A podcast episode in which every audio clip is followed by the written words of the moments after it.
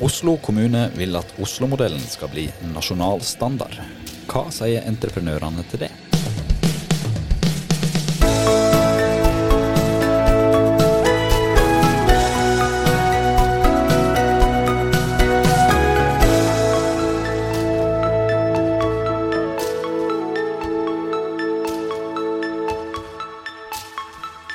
10% lærlinger, kun to nivåer i kontraktkjedene, fast ansatte i minst 80% stilling. Dette er noen av kravene som Oslo kommune innførte for to år siden i det som har fått navnet Oslo-modellen. Alt for å skape et mer seriøst arbeidsliv innen bygg og anlegg. I denne episoden av Byggeplassen så skal vi snakke litt om hvordan det har gått med Oslo-modellen, og hva som blir veien videre. Derfor har vi med oss Raymond Johansen. Eirik Gjelsvik.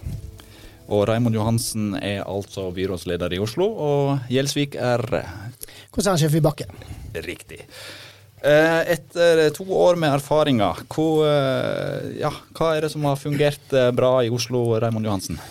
For det første så har vi jo sett det at antallet som faktisk legger inn anbud etter at vi har lagt om til Oslo-modellen, ikke har gått vesentlig ned. Og samtidig som vi ser at flere av de som legger inn, er mindre avhengig av eh, bemanningsbyråer. Og eh, en annen veldig gledelig ting vi ser med det, er jo at eh, arbeidsgiversiden er jo veldig glad for det og ser at det er konkurranse på like vilkår, og at det ikke er at det å være useriøs i seg selv skal gi noen uforutsette fordeler. For de som ikke kjenner til Oslo-modellen så godt, kan ikke du bare kort dra oss gjennom hva det går i? Så vi har, Det går på at vi stiller krav. Uh, Oslo er en stor uh, innkjøper. Vi kjøper jo varer og tjenester for 27 eh, milliarder kroner i året. Og da er det om å gjøre å stille krav i anbudsinnbydelsen. Og blant annet så har vi stilt krav om uh, 50% fagarbeidere, 10% lærlinger. Én til to underleverandører at norsk skal være språket. Vi er veldig tydelige på å si nei til kontantbetaling, lønn eh, mellom oppdrag. Og eh, tarifflønn er noen av de tingene som eh, vi har lagt vekt på. I tillegg så har vi kanskje noe av det aller viktigste har vært at vi har hatt disse HMS-reg-kortene ute på byggeplassene, hvor vi registrerer i sann tid hvem som faktisk er på byggeplassen og kan gjøre rede for seg. Bare før vi innførte Oslo-modellen, så var jo omsetningen av disse HMS Reg-kortene på Grønland her i Oslo en ganske eh, attraktiv eh, vare. Det har vi sett reduksjon på. Vi vet at den som faktisk er der eh, med navn og nummer, er den personen oppgir å være. Kan ikke du Eirik Gjelsvik fortelle litt om hva slags Ja, hvordan har det merka Oslo-modellen på, på kroppen?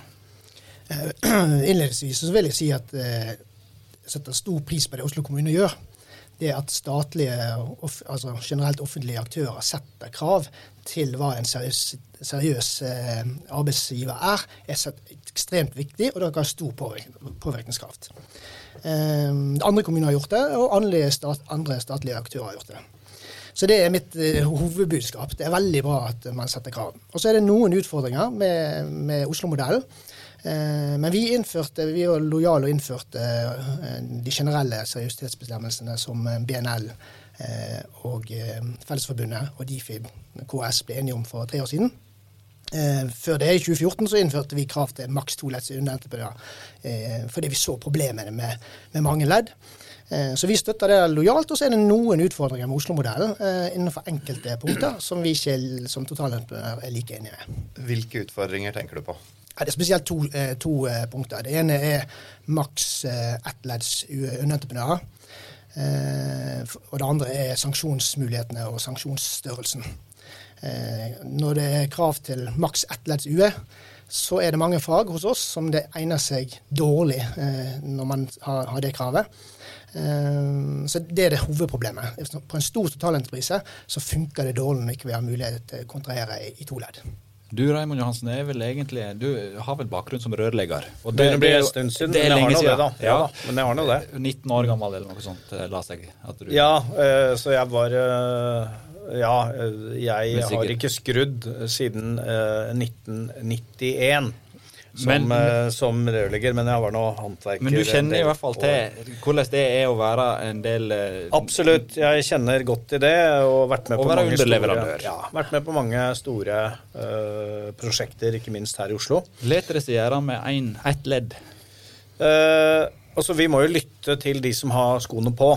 Uh, og er det sånn at det er utilsiktede negative konsekvenser, det med å ha bare én underentreprenør.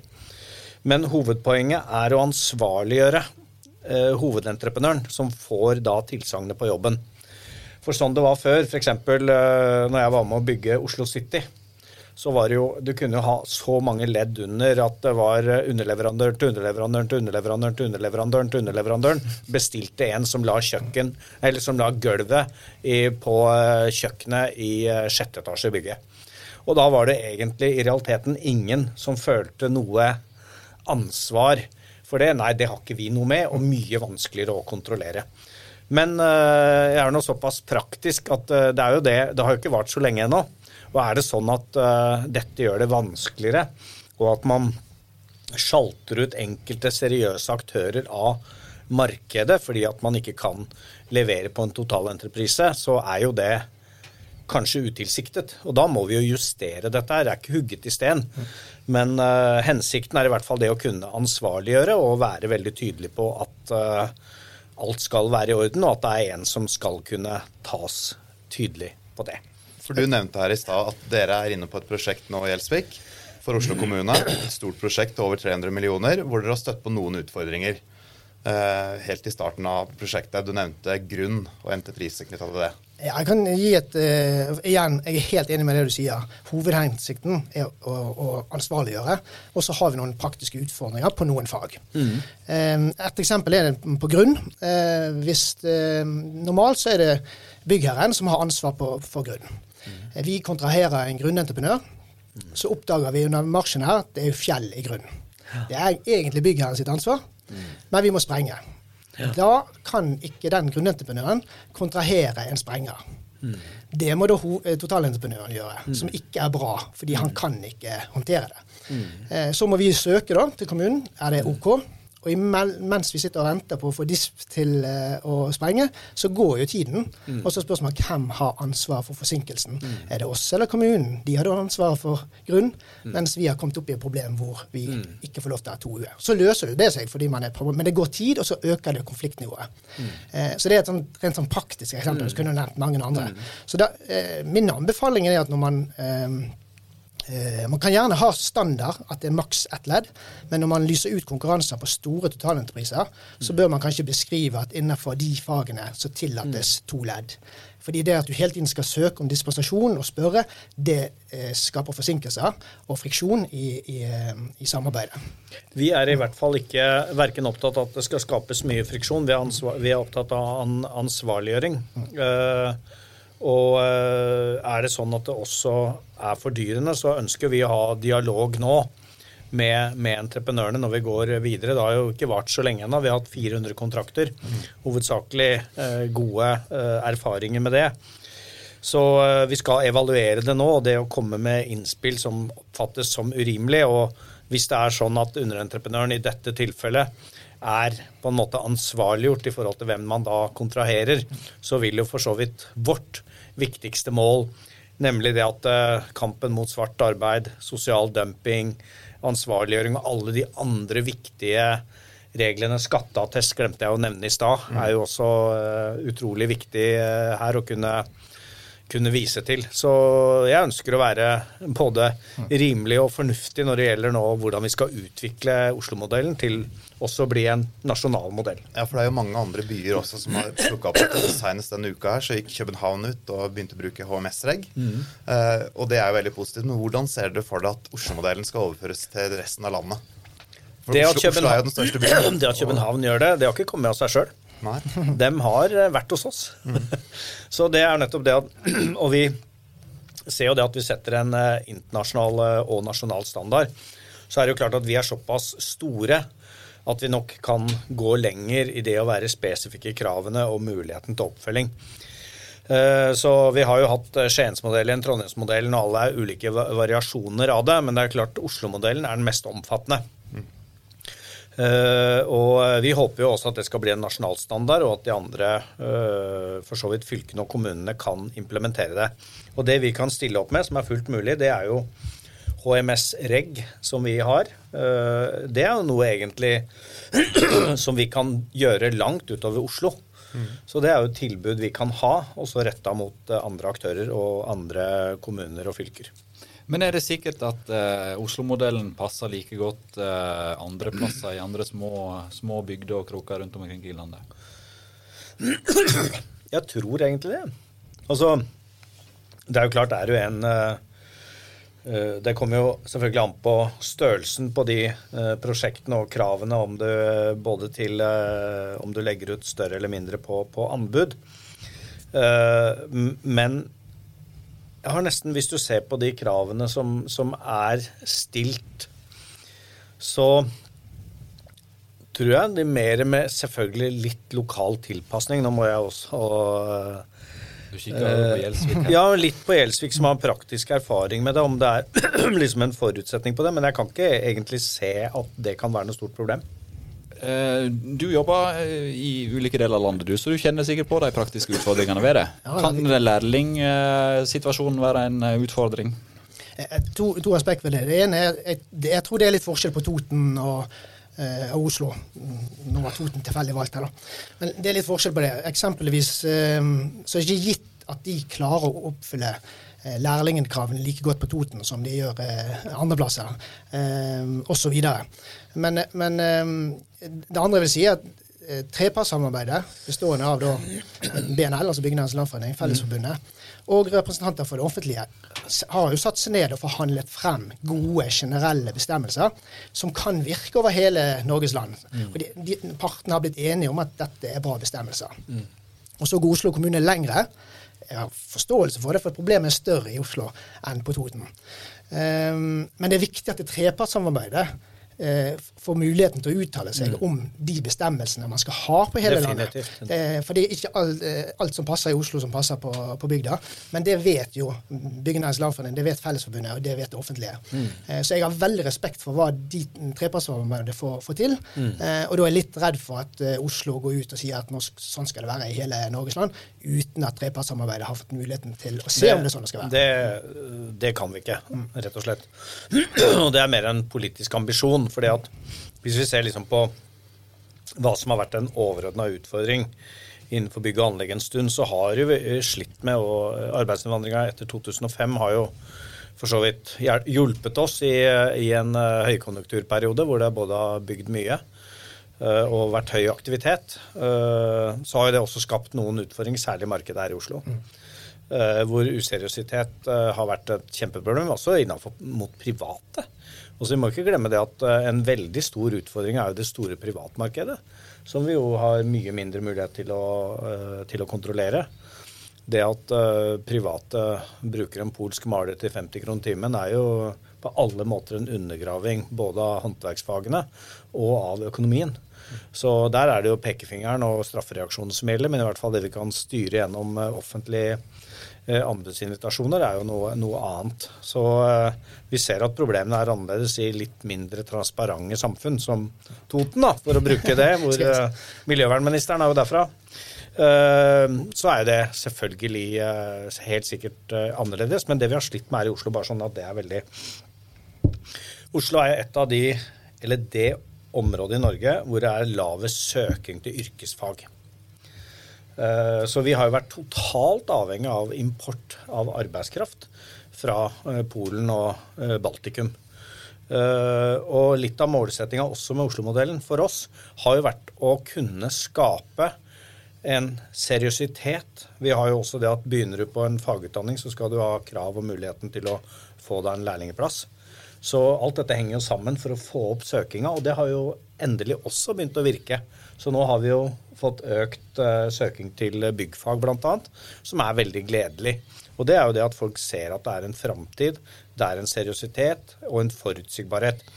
Fordi at når du har et marked som er preget av midlertidighet, midlertidige ansettelser, så er ikke akkurat det noe som motiverer eh, å starte i gang med en utdanning hvor du kanskje risikerer bare midlertidighet, vanskeligheter med å få huslån, for å starte livet. Så det henger, det er liksom en samfunnstenkning bak Oslo-modellen. da, så uh, skal vi jo innse at det er både lokale tilpasninger og annet. Nei, men Det er jeg 100 enig i. Dette er en helhet.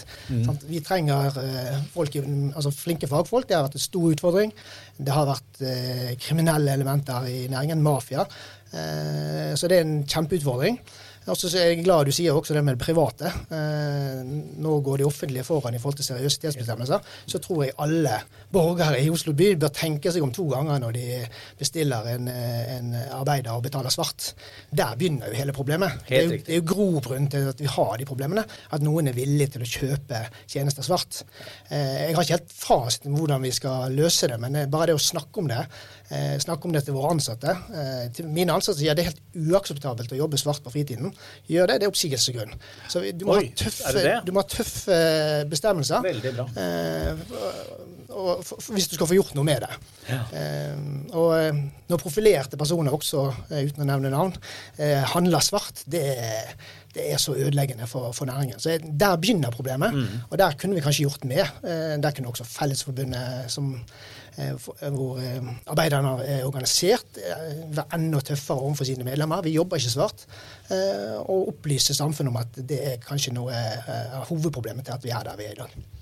Det, det er jo et stort problem. Men hvordan Én ting er å ha disse her tingene på papiret, og reglene er der, og, og sånn, sier at sånn skal det være. Men hvordan følger det opp i praksis? For Det er jo et enormt sånn tilsyns, en tilsynsoppgave som følger med dette her. Har de kompetanse og ressurser nok til det? Altså, Vi har jo eh, vi har en eh, egen enhet i Oslo kommune som har som hovedoppgave å følge opp eh, alle kontraktene. Og Det er også en enhet vi har styrka. Og heldigvis er også Arbeidstilsynet noe, noe styrket. Men, òg dette HMS-reg gjør også det mulig for så vidt å, å styre det litt gjennom at du i sann tid kan si hvem som er til stede. og Da er jo også det en del av kontrollen, at du kan følge alt om vedkommende har en skatteattest, om vedkommende får eh, betalt elektronisk lønn osv. Det er mye orden du kan sjekke ut eh, bare av det. Er det en fagarbeider? Er det en lærling? Så uh, du trenger ikke nødvendigvis alltid å ha en fysisk tilstedeværelse på en byggeplass uh, for å sjekke om alt er i orden. Du skal jo se jo sjøl hvor krevende det er å komme inn på en byggeplass nå, så det er jo Så jeg tror det er med bruk av hva vi kan kalle ny teknologi og, og, eh, og, og data og sporing og sånn, så er det jo en del kontrollmekanismer som mer sier seg selv enn før. Han eh, Eirik eh, sier her at hans ansatte kan bli sagt opp hvis de bruker svart arbeid. Kan Oslo kommune sine ansatte bli sagt opp hvis de bruker svart arbeid? Uh, det er i hvert fall en veldig uh, Nå kjenner ikke jeg reglene helt i, i detalj rundt det, men uh, jeg tror det å forfølge det i, eh, i, eh, i detalj, og at du da er, ligger tynt an hvis det viser seg at du har utnytta din arbeidskompetanse til å jobbe svart, så vil jeg tro at det ligger eh, tett opp til om, om det er en oppsigelse eller direkte avskjed og sånn. Hvordan regelverket er på det, skal ikke jeg si på stående fot. Det er komplisert, og det er ikke helt Ja, for det er litt komplisert mm. juss oppi det når det, det går på det arbeidsrettslige og sånn, sånn. Men i utgangspunktet, holdningen, mm. enig, totalt uakseptabelt. Vi skal gjøre alt vi kan for å hindre det. Mm. Nei, men Du har helt rett i det. Arbeidsmiljøloven gir jo noen rettigheter i forhold til oppsigelse. Ja. Så, eh, og det er forskjell på, forskjell på ledere eh, hvor, det, hvor det ja. er nulltoleranse. Mm. Eh, men, men, prinsippet er eh, det er et brudd, og så må man forholde seg til arbeidsmiljøloven og hvordan man håndterer det. Men eh, for oss så er det oppsigelsesgrunn eh, med, med, brudd på den type. Ja. Det, Eh, og så vil jeg like, like mye arrestere de som kjøper det. Eh, for det, det, går jo på den norske holdningen som er ikke bra. Eh, jeg tror det er mye mer bevisst nå. Eh, jeg tror det har skjedd en endring de siste årene. Mm. Men eh, når du går i selskapelige lag og snakker med folk og sier ja, jeg har nettopp malt huset, mm. ja, jeg betalte 20 000 under bordet til en eller annen. Altså det, det er sånn gjengs og det er ikke bra. Jeg opplever også at forsikringsbransjen har blitt uh, mye bedre her. Mm. Hvis det skjer noe skade på hus og sånn, så er det, får du rett og slett ikke penga tilbake hvis du ikke kan mm. vise solid dokumentasjon. Så det er jo mange krefter her som trekker i samme enden av tauet. Mm. Absolutt. Men merker dere at dere klarer å stoppe de useriøse aktørene? med dette? Har du konkrete eksempler på det, hvor dere har hindra det å komme ja, altså det, inn? For det er jo et marked her. Det er jo mange useriøse aktører fortsatt. Men på vårt arbeid så er det åpenbart nå at det er uh, færre useriøse. Bare se det som legger inn uh, på anbudene våre. Uh, så det har stoppa opp, for det krav, dok, dok, krav til dokumentasjon er såpass strengt at du må være seriøs. Og vi har bare gjennom å etablere Oslo-modellen silt ut mange av de useriøse. de viser seg jo ikke. Så Og så er det sånn at vi Her er jo ulike deler. A-krimsenteret, øh, skatteetat, ulike Og vi har slitt litt med det at uh, ulike statlige og offentlige myndigheter ikke snakker sammen. Hvis f.eks. politiet da, vet at det er en kriminell aktør som har vært kriminell, så er ikke det naturlig verken informasjonsplikt eller en mulighet for kommunen å få tilgang på de dataene. At de ringer 'hør nå her', han som er lagt inn der, er faktisk en kjeltring. Eh, så vi har jo tatt også det opp med politiet for å se om det, er, eh, om det har vært muligheter. Men det er jo personvern og ja. datalovgivning. Ja, men Den der de... dialogen med, med, andre myndigheter og sånn, da. Ja, er... det, det, inngikk vel skattesamarbeid, eller Skatteetaten. Skatteetaten, ja i 2016. Ja. Og da hadde det vel ei sånn svarteliste, hadde ikke det det? Eh, der det var rundt eh, mellom 30 og 40 bedrifter, etter så jeg husker. Helt eh, hvor mange står på den lista det til Oslo kommune i dag? Det har vært veldig spennende å se. ja, det, ja, veldig... og, og det hadde òg ei obs-liste. Fins den fortsatt? Der var det nærmere 100. Ja, du, så det, det, det må være obs. Ja, jeg husker det. Ja. Eh, jeg har ikke sjekka om uh, hvordan det ligger an nå. Nei. Uh, men det er jo Men sånne register og sånn, ja, det, har, det, har, det, har vi, det har vi visst. Og det er jo litt sånn med HMS Reg og alt dette her også. Få en oversikt over hvem det er. Og det å oute hele tida er så viktig at du, det skaper en avstand og redsel for seriøse aktører å være i nærheten av. For dette er jo en eh, Det har jo vært en bransje som har vært utsatt for eh, utrolig press fra useriøse aktører. Absolutt. HMS-reg er fantastisk bra. Mm. Eh, det har jo hjulpet. det har gjort det mye mer oversiktlig hva som rører seg på en byggeplass. Mm. og også det samarbeidet mot de aktørene du sier. Hvis du da kan også få koble alt som går på inn på arbeidsgiverregisteret, mm. slik at du kan se enda mer, så hjelper det. Da er du på gang. Ja. en liten utfordring med HMS-reg, slik jeg har forstått det, er at det har vært relativt dyrt å kjøpe seg inn på det. Uh, og for mindre entreprenører så blir det dyrt å kjøpe det redskapet. Så, eh, men jeg får håpe at jo flere som tar det i bruk, jo billigere blir det. Det er meningen. Mm. Det er, vi har en del initielle kostnader ved å innføre det. Mm. Så håper vi på det. Men også der er det sånn Man er jo kreativ. Jeg var, var og så på Mester Egg og det var, begynner å bli et par år sia. Og eh, satt og så nedover på, på navn, og så hvor de jobba hen, og hva de var. En del eh, Det var mange over 40 år som var lærlinger, da. Det var jo veldig seint å begynne selv. Det var veldig seint å begynne, begynne, som lærlinger. Og en del med litt eh, Det var vel rumenske navn, uten at det var noe henger ut akkurat den gruppa, som var da 43, 44, 43, 44. Så det er jo klart at det å da gir en anledning til å gå tilbake, er du da reell lærling knytta til et opplæringskontor? Har du en klar plan for hvordan lærlingsprosessen skal være og sånn? Og da får du jo igjen silt ut, men uh, For det er jo ikke gitt at utenlandske arbeidstakere har den samme lærlingordningen som det vi har i Norge? Definitivt ikke. Og ikke at Oslo kommune har oversikt over alle ordningene heller, tenker jeg. Så. Nei, og de jo, må jo knyttes til den bedriften mm. de da jobber i her i Norge, og det er ofte en norsk bedrift. så jeg prøver bare å si at her er kreativiteten stor. Uh, og uh, det kan bare, bare se. Vi er ikke så naive og har satt 10% lærlinger. Så er det jo ikke sikkert at det nødvendigvis er reelt sett alltid 10% lærlinger. Og da kunne gå og ta en ekstra sjekk til. Er du reell lærling med alle de krav og forpliktelser og muligheter og forventninger du har med det, så er det greit. Da er du hjelpearbeider, het det jo før da når du var gammel, men uh... Men det leder meg inn på en annen utfordring med Oslo-modellen, ja. og det er sanksjonsmulighetene. Fordi eh, har du 10% eller har du 9% eller 7% lærlinger, så hvis du bryter den, mm. så skal du straffes med 1% av kontrakten. Mm. Det er ganske brutalt for en entreprenør som tjener 3-4 mm. At du skal bli straffet så hardt på brudd. Og så eh, sies det da at det, det, har du gjort alt du kan for å skaffe det, så er det greit. Men det blir for rundt. Så, så jeg, jeg, mener at den, mange av sanksjonsmulighetene er for tøff. Eh, og da er jeg litt redd for at eh, man ikke bruker det, fordi vi syns det er for tøft. Og da er det en sånn synsemodell. Eh, eller at man velger bort de aktørene som har for tøffe sanksjonsmuligheter. Men bruker dere sanksjonsmulighetene? Eh, jeg vet ikke hvor mange ganger egentlig sanksjonsregimet har trådt i kraft. Eh, ofte så er jo eh, det er jo Trusselen om sanksjoner er jo ofte det mest effektive sanksjonsmiddelet du har. Mm. Så, så, kan det hende at Nå kjenner ikke jeg sånn i, i detalj om det faktisk har vært utøvd noen av de sanksjonskravene vi har, det, det veit jeg ikke. Jeg har ikke fått det. på... Altså, Vi er midt i et prosjekt, og det, dette ble innført for et par år siden. Mm. Og det tar jo to-tre år å bygge en, eh, et stort prosjekt. Ja. Eh, så vi er midt oppi det. Men det sies jo at man bruker ikke sanksjonsmulighetene hvis alt annet eller det er OK, man gjør sitt beste. Mm.